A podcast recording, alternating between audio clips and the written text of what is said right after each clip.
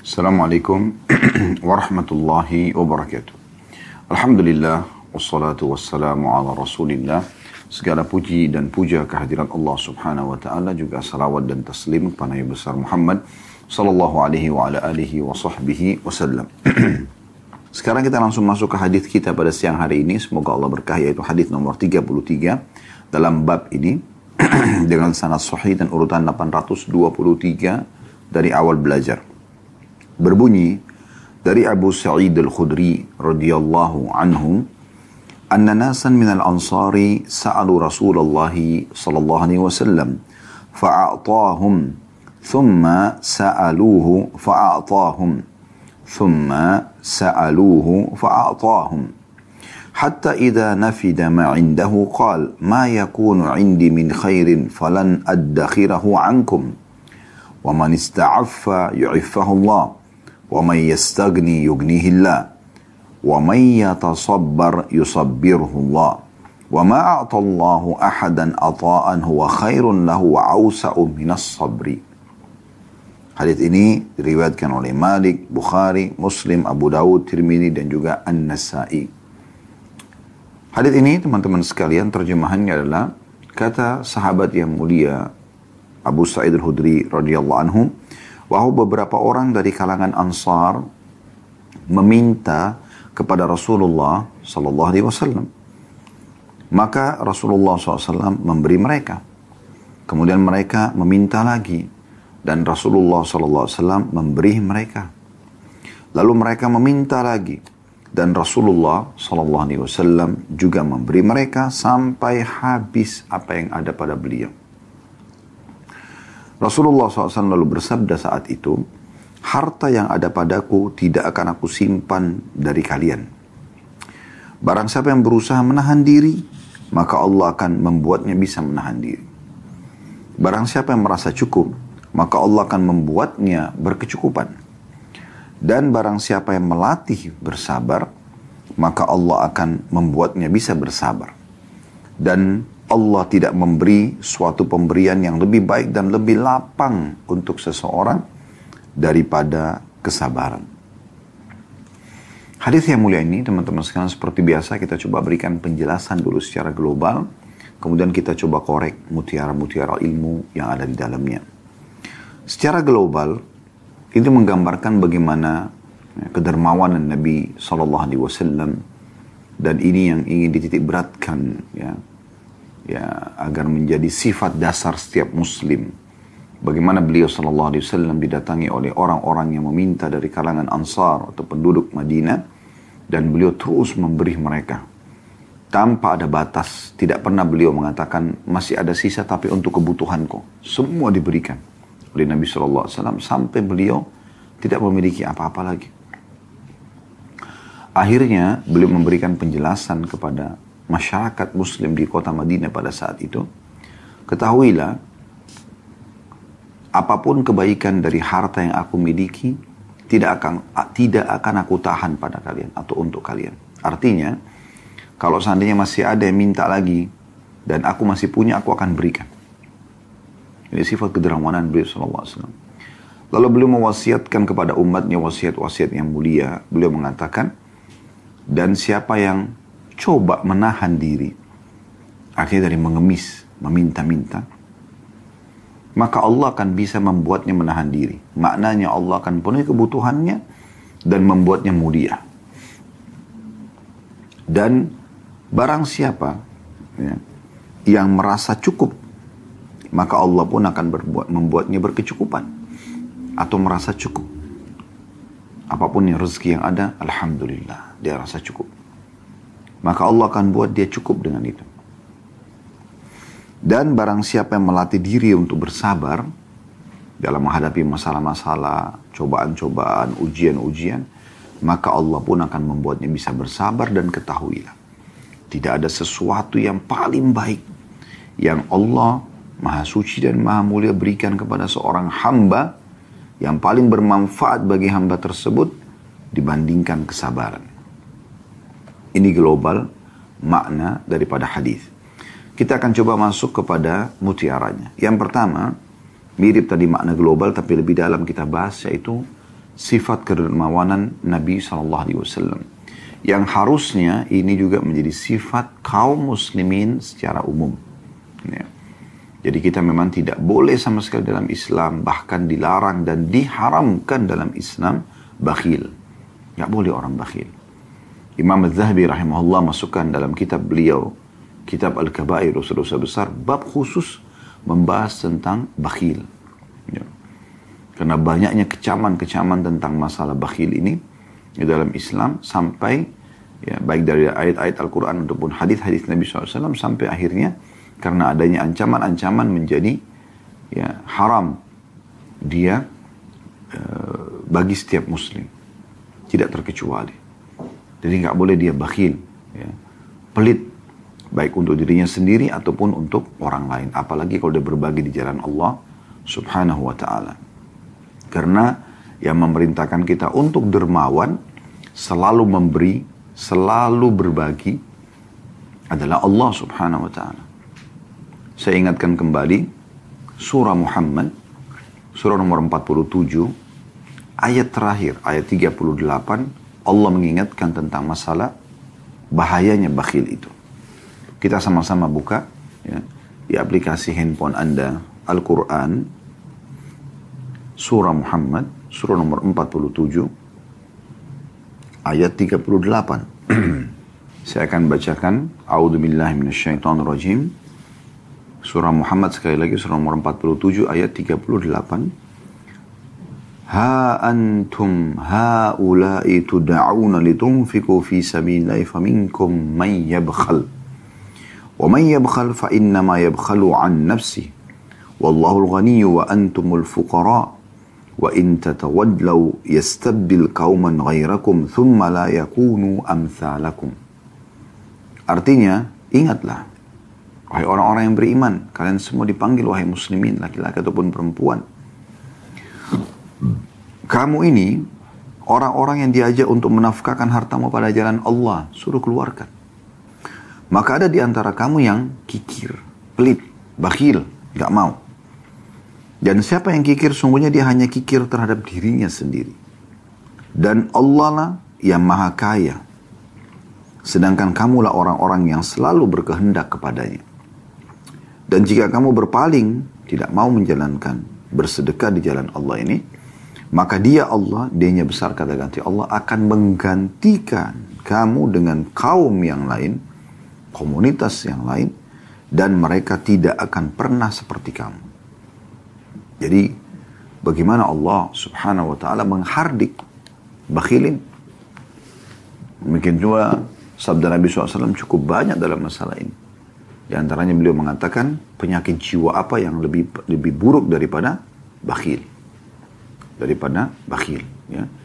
Orang yang bakhil itu maka akan bermudarat bagi dirinya sendiri sehingga dia tidak menikmati nikmat Allah subhanahu wa ta'ala yang Allah telah berikan kepada dia dan juga agar dia nikmatin bersama dengan keluarganya ataupun lingkungannya maka bermudarat bagi diri dia dan juga dia kehilangan pahala plus itu juga dosa oleh karena itu dermawanlah saudaraku suka berbagi bagi sedekah itu adalah sesuatu yang sangat baik yang sangat ditekankan ya dan ini telah dicontohkan oleh baginda Nabi Shallallahu Alaihi Wasallam jadi kebanyakan orang digoda oleh syaitan kalau banyak orang yang datang minta-minta sama dia. Ini kenapa nih nggak habis-habis misalnya.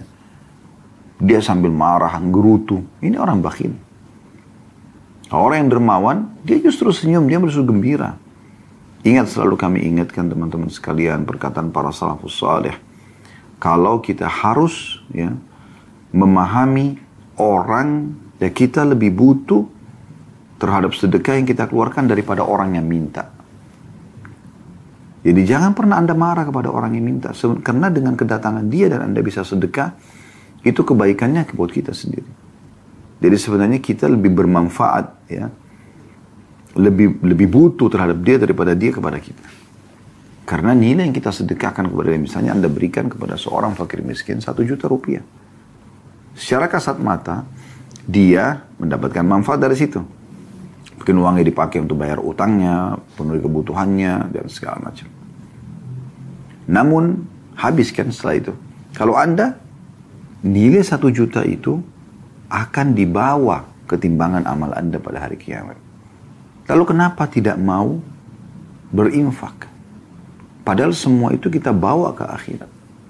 Ingat perkataan Abdullah bin Mas'ud radhiyallahu anhu. Dan ini yang kami jadikan sebagai ya, maskot dalam yayasan atau pada yayasan kami. Simpanlah hartamu di langit. Karena beliau mengatakan, siapa di antara kalian yang bisa meletakkan hartanya di langit, menyimpan hartanya di langit, yang tidak akan pernah dijangkau oleh tangan pencuri dan juga rayap yang akan merusak fisik harta tersebut, ya, maka lakukanlah. Dan terlalu banyak dalil, ya, sudah sering kami sampaikan di beberapa materi uh, tentang masalah sedekah ini terlalu banyak dalil ajakan Allah Subhanahu Wa Taala untuk kita bersedekah. Ya. Ada beberapa ayat itu bersambung satu sama yang lain itu di dalam surah Al-Baqarah. Ya. Coba kita buka sama-sama. Saya akan bacakan dan kita renungi sama-sama. Semoga Allah mudahkan kita justru memiliki sifat kedermawanan dan tidak ragu lagi dalam bersedekah sehingga kita jauh dari sifat bakhil ini. Coba buka Al-Baqarah surah nomor 2 mulai dari ayat 261. A'udzu billahi minasyaitonir rajim. Matsalul ladzina yunfikuna amwalahum fi sabilillahi kamatsali habbatin ambatat sab'a sanabila fi kulli sumbulatin mi'atu habbah Wallahu yudha'ifu liman yasha. Wallahu wasi'un alim. Perumpamaan nafkah yang dikeluarkan oleh orang-orang yang menafkahkan hartanya di jalan Allah. Bersedekah untuk dirinya sendiri, untuk kerabat, untuk orang-orang yang susah. Perumpamaan nafkah yang dikeluarkan oleh orang-orang yang menafkahkan harta di jalan Allah adalah serupa dengan sebutir benih yang menumbuhkan tujuh bulir. Pada tiap-tiap bulir ada seratus biji. Allah akan melipat gandakan ganjaran bagi siapa yang dia kehendaki. Dan Allah maha luas karuniahnya lagi maha mengetahui. Jadi relevansi akhir ayat Allah menyebutkan sifatnya ya itu sangat erat hubungannya relevansinya dengan awal ayat. Allah sedang bicara tentang masalah orang yang berinfak. Maksudnya Allah itu maha luas rezekinya, balasannya bagi orang yang bersedekah ini dan maha mengetahui. Maksudnya dia ikhlas atau tidak. Ini ayat 261-nya. Jadi sudah ada Allah berikan perumpamaan orang yang bersedekah seperti satu benih, tapi di situ menumbuhkan tujuh bulir. Setiap bulir ada seratus ya, biji.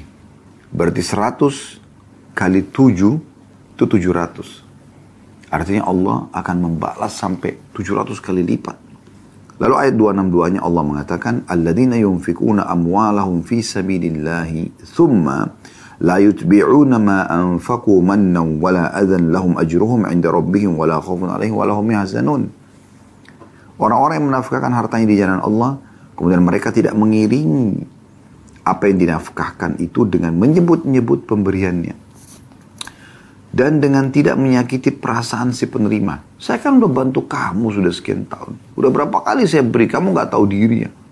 bilang, jangan sampai ada perkataan itu. Karena selalu kami ingatkan buat diri kami dulu, kemudian anda sekalian, saudaraku seiman, yaitu ya hubungan kita sama sang pencipta Allah. Bukan dengan orang yang sedang kita interaksi di depan mata kita. Anda berinteraksi dengan suami, dengan istri, dengan anak, dengan orang tua, dengan kerabat, dengan tetangga, teman sejawat, dan segala macam. Ya. Semua itu Anda berhubungan, Anda tahu Allah yang menyuruh Anda berbuat baik pada mereka, Allah yang melarang Anda untuk berbuat jahat pada mereka, sehingga Anda selalu bermuamalah dengan Tuhan Anda Allah. Tanpa harus melihat siapa yang sedang depan mata Anda. Ada orang subhanallah nanti kalau jenjang sosialnya sama dengan dia di mata dia, baru dia bisa berteman. Kalau tidak maka dia tidak mau berteman. Tidak saudaraku. Bukan seperti itu. Ini ingat, kita kalau memberi tidak boleh menyebut-nyebutnya. Juga tidak boleh menyakiti hati si penerima. Mereka memperoleh pahala di sisi Tuhan mereka yang tidak nyebut-nyebut dan tidak menyakiti hati perasaan penerima, maka mereka memperoleh pahala di sisi Tuhan mereka dan tidak ada kekhawatiran terhadap mereka dan tidak pula mereka bersedih hati di dunia dan di akhirat. Lalu Allah Subhanahu wa taala mengatakan ayat selanjutnya 263-nya, Qaulun ma'rufun wa maghfiratun khairum min sadaqatin yatba'uha adza. Wallahu ghaniyyun halim. Perkataan yang baik dan pemberian maaf lebih baik daripada sedekah yang diiringi dengan sesuatu yang menyakitkan perasaan si penerima. Allah maha kaya lagi maha penyantun. Maksudnya kalau kita tidak ada, kita juga tetap minta maaf baik-baik. Ini tidak mungkin terjadi kecuali tadi saya katakan teman-teman sekalian, kita memang menjadikan, menanamkan dalam diri kita, memang kita yang lebih butuh daripada si peminta tadi. Kebanyakan orang menyakiti perasaan penerima, atau bahkan tidak mau membalas dengan perkataan-perkataan yang baik pada orang minta karena dia merasa yang mengemis ini butuh padahal sebenarnya tidak sekali lagi konsepnya dalam Islam kita yang lebih butuh daripada dia. Karena dia sedang membawa amal-amal kita menuju ketimbangan amal. Timbangan amal kita tanpa dibayar sebenarnya. Karena nilai itu akan tetap ada di timbangan amal nanti bahkan dilipat gandakan. Kemudian juga Allah mengatakan di ayat 264-nya, Ya ayuhalladzina amanu la tubtilu sadaqatikum bil manni wal adha kalladhi yunfiku ma'lahu ri'a'an nas. Kalladhi yunfiku ma'lahu ri'a'an nasi wa la yu'minu billahi wal yawmil akhir. فمثله كمثل صفوان عليه تراب فأصابه وابل فتركه صلدا لا يقدرون على شيء مما كسبوا والله لا يهدي القوم الكافرين Hai orang-orang beriman, Janganlah kamu menghilangkan pahala sedekahmu dengan menyebut-nyebutnya. Dan menyakiti perasaan si penerima. Seperti orang yang menafkahkan hartanya karena riak kepada manusia. Dan dia tidak beriman kepada Allah dan hari kemudian. Maka perumpamaan orang seperti itu seperti batu yang sangat licin yang di atasnya ditaruh tanah. Kemudian batu itu ditimpa dengan hujan yang lebat Lalu menjadi bersihlah dia. Maksudnya tidak ada lagi tanah tadi itu. Mereka tidak menguasai sesuatu pun dari apa yang mereka usahakan. Dan Allah tidak memberi petunjuk kepada orang-orang kafir. Lihat bagaimana detailnya Allah subhanahu wa ta'ala mengingatkan. Hai orang-orang beriman, jangan kamu menghilangkan pahala sedekahmu dengan menyebut-nyebutnya. Saya udah berinfak sekian kali. Saya sudah begini dan begitu. Saya udah bangun masjid. Saya tahu nggak pesantren sana? Saya yang biaya itu. Tahu nggak guru-guru pesantren sana? Saya yang biaya. Ini ini maunya apa? Ucapan ini. Pujian orang. Ya udah. Berarti mirip seperti apa yang Allah gambarkan di sini. Ria. Kalau karena Allah, diam aja. Nggak perlu ada yang tahu. Kecuali memang orang yang harus tahu. Kayak misalnya bagian administrasi pesantren. Itu misalnya. Ya atau pemilik pesantren itu yang memang Anda berdua datang ketemu. Makin orang tidak tahu makin bagus. Hai orang beriman, janganlah kamu menghilangkan pahala sedekahmu dengan menyebut-nyebutnya dan menyakiti perasaan si penerima. Seperti orang yang menafalkan hartanya karena riak. Ini biasanya sifatnya orang yang riak, pamer-pamer, seperti itu. Nyakitin perasaan penerima, ya suka menyebut-nyebut gitu.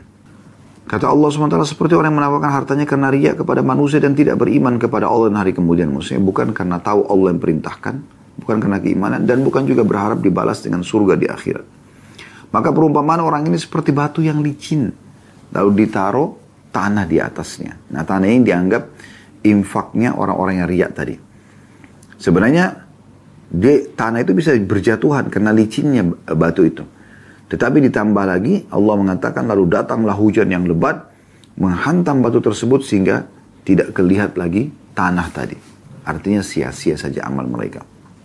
Kemudian ayat 265-nya Wa matharul ladina yunfikuna amwalu butigha'a mardatillahi wa tathbitan min anfusihim kamathali jannatin birabwatin asabaha wabilun asabaha wabilun fa'atat ukulaha dhi'afain فإن لم يصبها وابل فطل والله بما تعملون بصير Artinya di ayat 265-nya dan perumpamaan orang-orang yang membelanjakan hartanya karena mencari keridhaan Allah.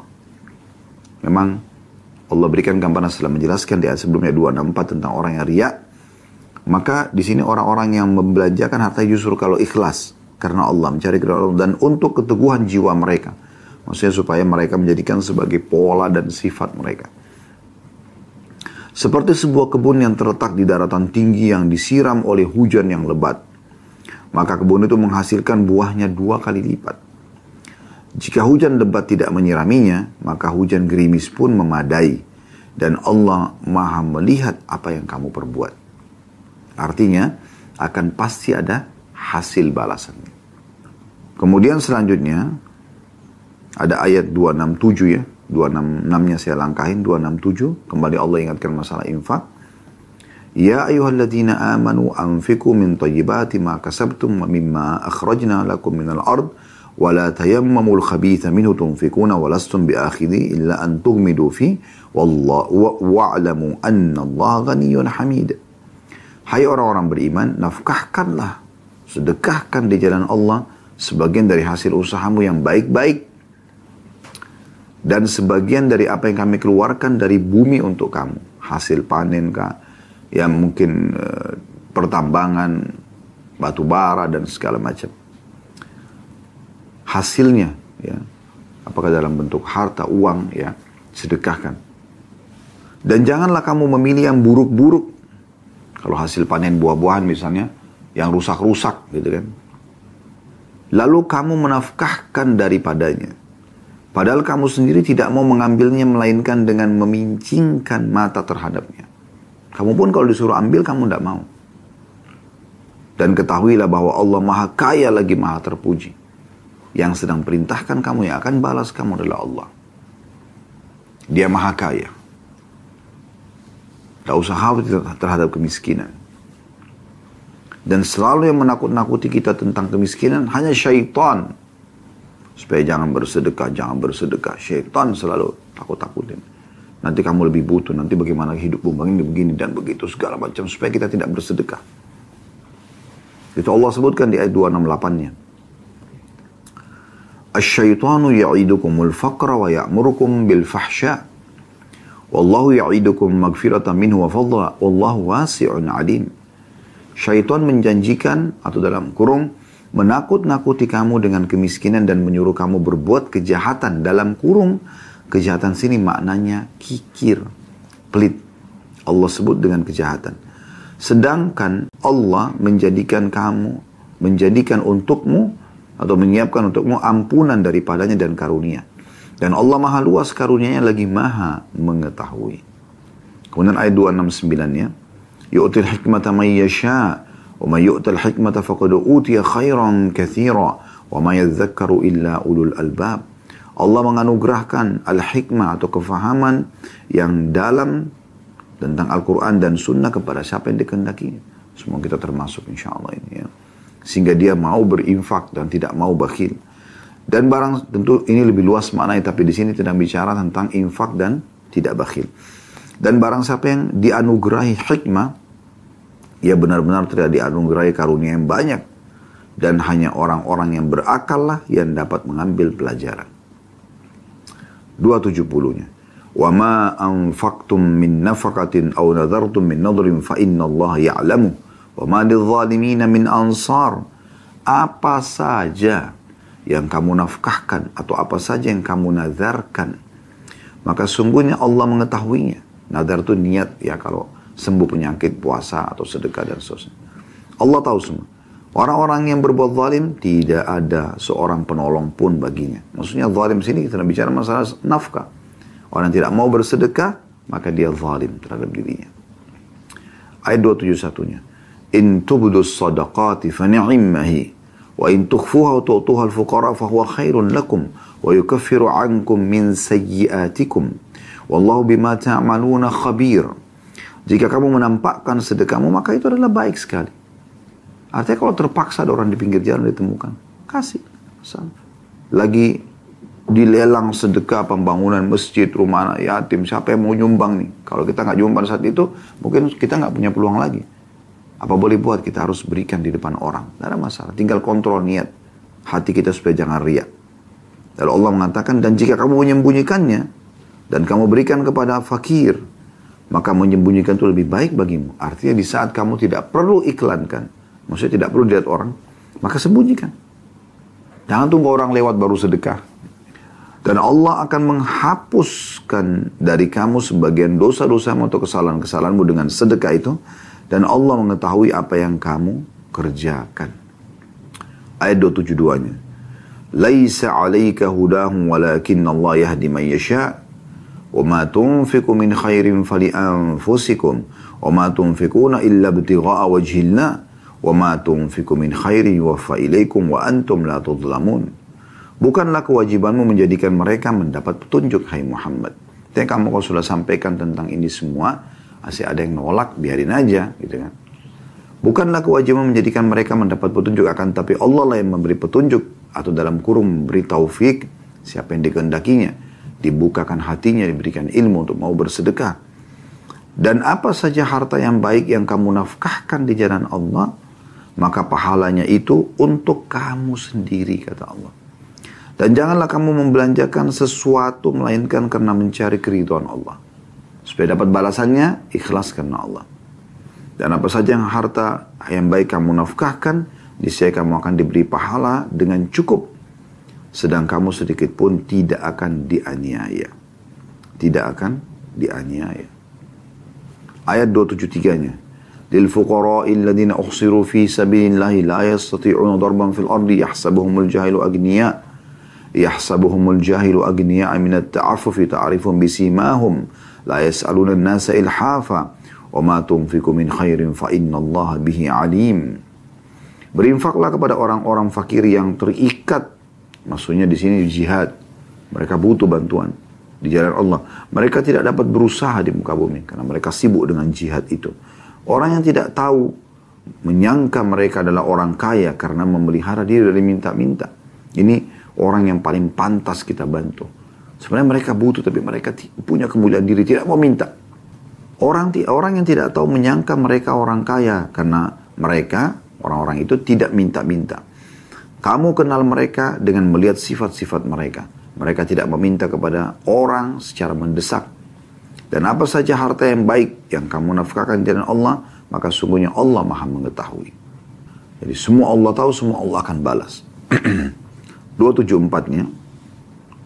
Alladzina yunfikun wa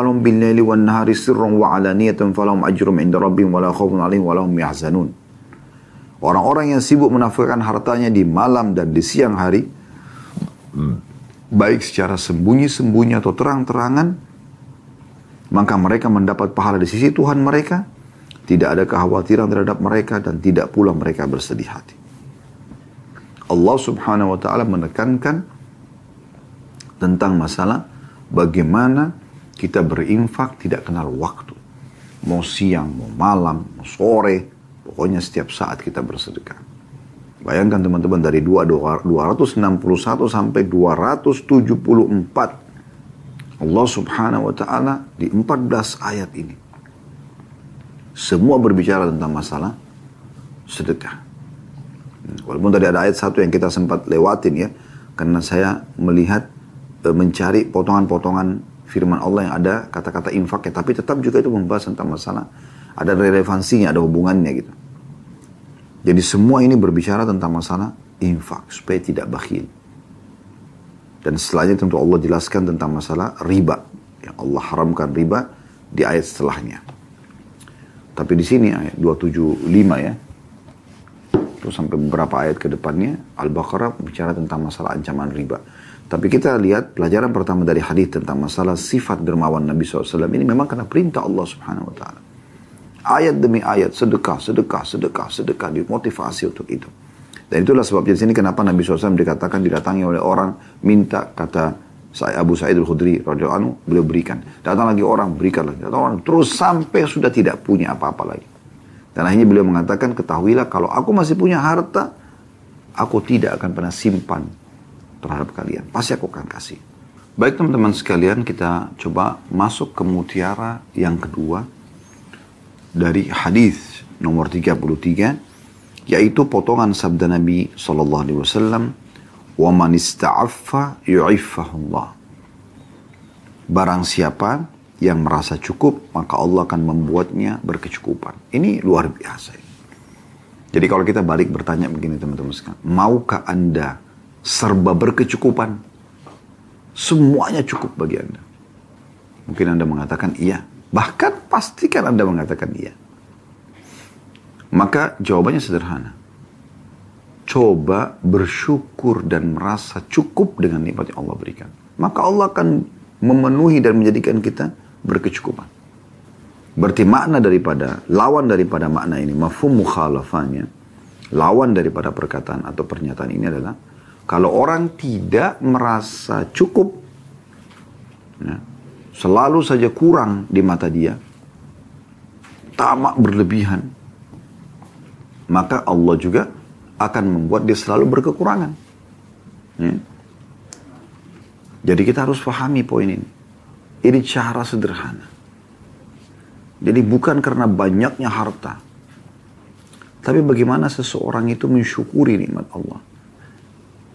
Jadi Allah melihat memang hamba ini, oh ternyata dia luar biasa ini. Dia menilai pemberianku. Ya, seperti itu. Allah SWT melihat hamba ini menilai pemberian yang Allah berikan kepadanya. Sehingga akhirnya Allah balas dia dengan Allah jadikan dengan kuasaannya untuk mengubah ya dia menjadi orang yang luar biasa. Berkecukupan. Sederhana sekali kan kaidahnya. Berarti ini membantah semua pernyataan yang mengatakan oh berkecukupan itu berarti harus banyak hartanya. Enggak. Dalam Islam bukan itu. Karena berapa banyak orang yang melimpah hartanya, kalau kita lihat, mungkin kita akan berpikir, masa orang ini masih belum cukup lagi. Padahal sudah rumahnya sekian, mobilnya sekian, perusahaannya sudah beberapa, tapi tetap dia merasa tidak cukup. Karena memang dia tidak pernah mau mensyukuri apa yang sudah ada. Selalu saja dia merasa kurang. Allah pun buat dia merasa kurang.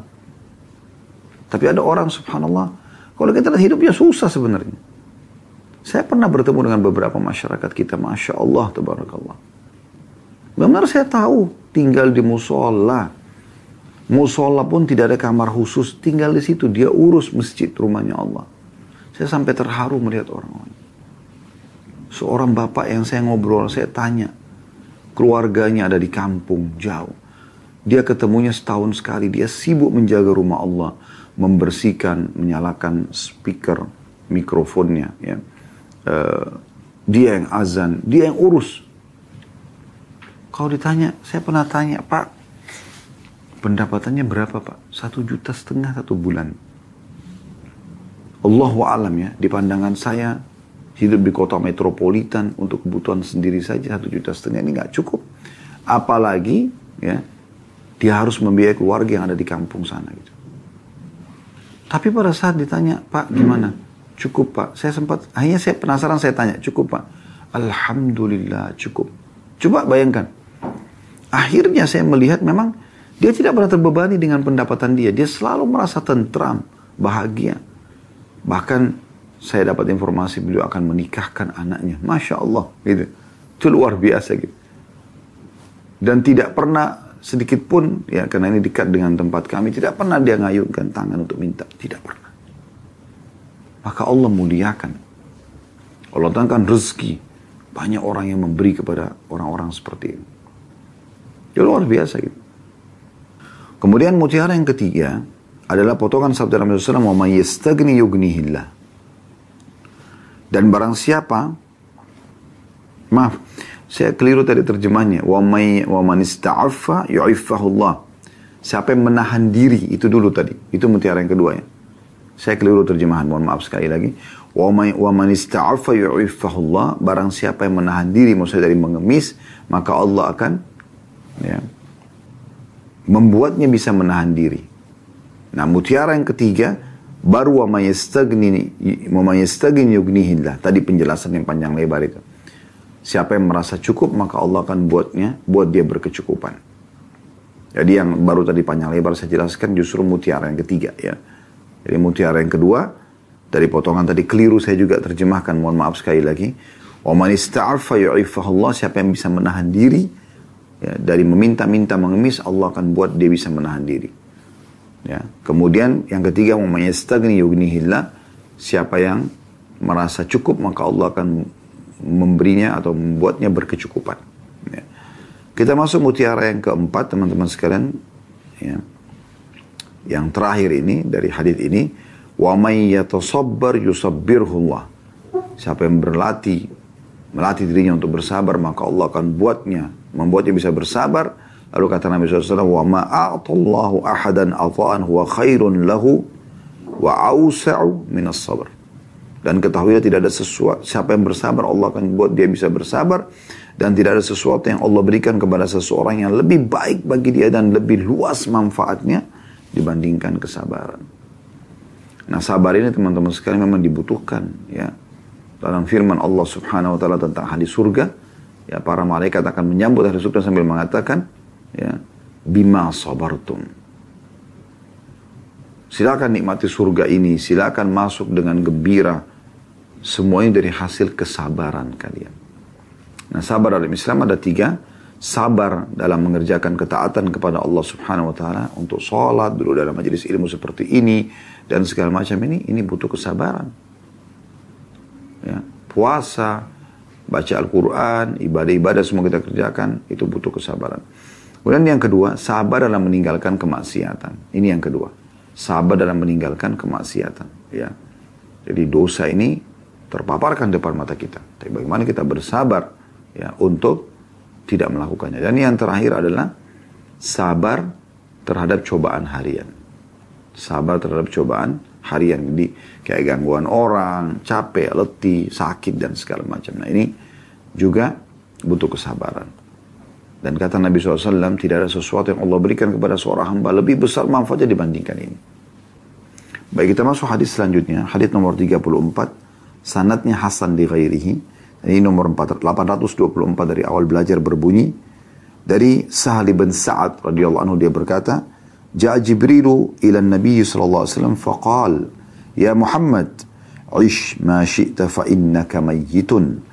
Wa'mal ma syi'ta fa innaka majziyum bihi. Wa ahbib man syi'ta fa innaka mufariquh. Wa'lam anna syarafal mu'mini qiyamul lail. Wa izzahu istighna'uhu 'anil nas. Hadis ini diriwayatkan Tabar dan al-Awsat dengan sanad hasan. Terjemahannya kata sahabat yang mulia Sahal bin Sa'ad radhiyallahu anhu Jibril suatu hari datang kepada Nabi SAW dan berkata, Wahai Muhammad, hiduplah sesukamu. Tapi ingatlah, kau pasti akan mati. Ini pesan yang pertama. Pesan yang kedua, beramallah sesukamu, baik atau buruk. Tapi ingatlah, kamu akan dibalas. Pesan yang ketiga, cintai siapa saja yang kau cintai.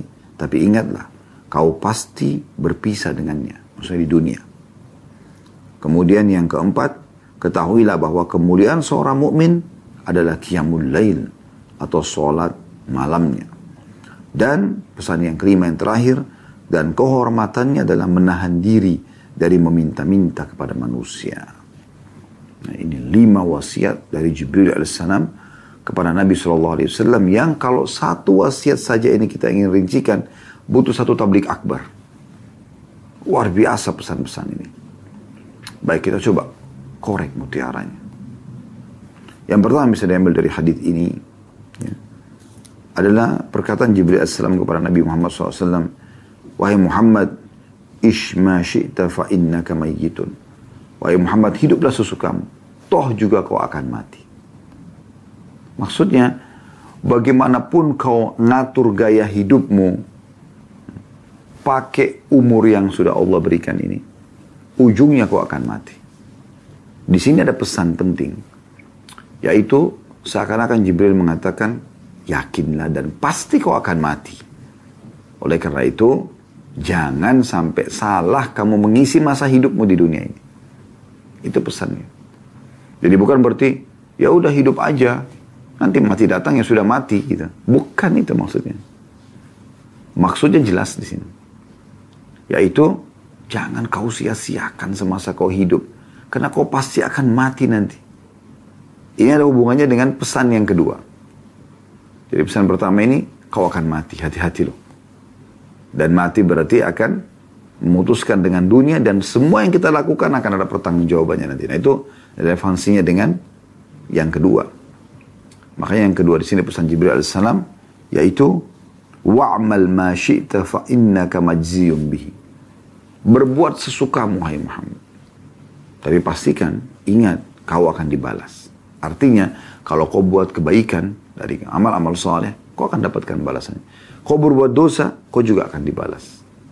Dan ini kemahadilan Allah subhanahu wa ta'ala. Allah tidak memaksakan kita ya, harus melakukan ketaatan.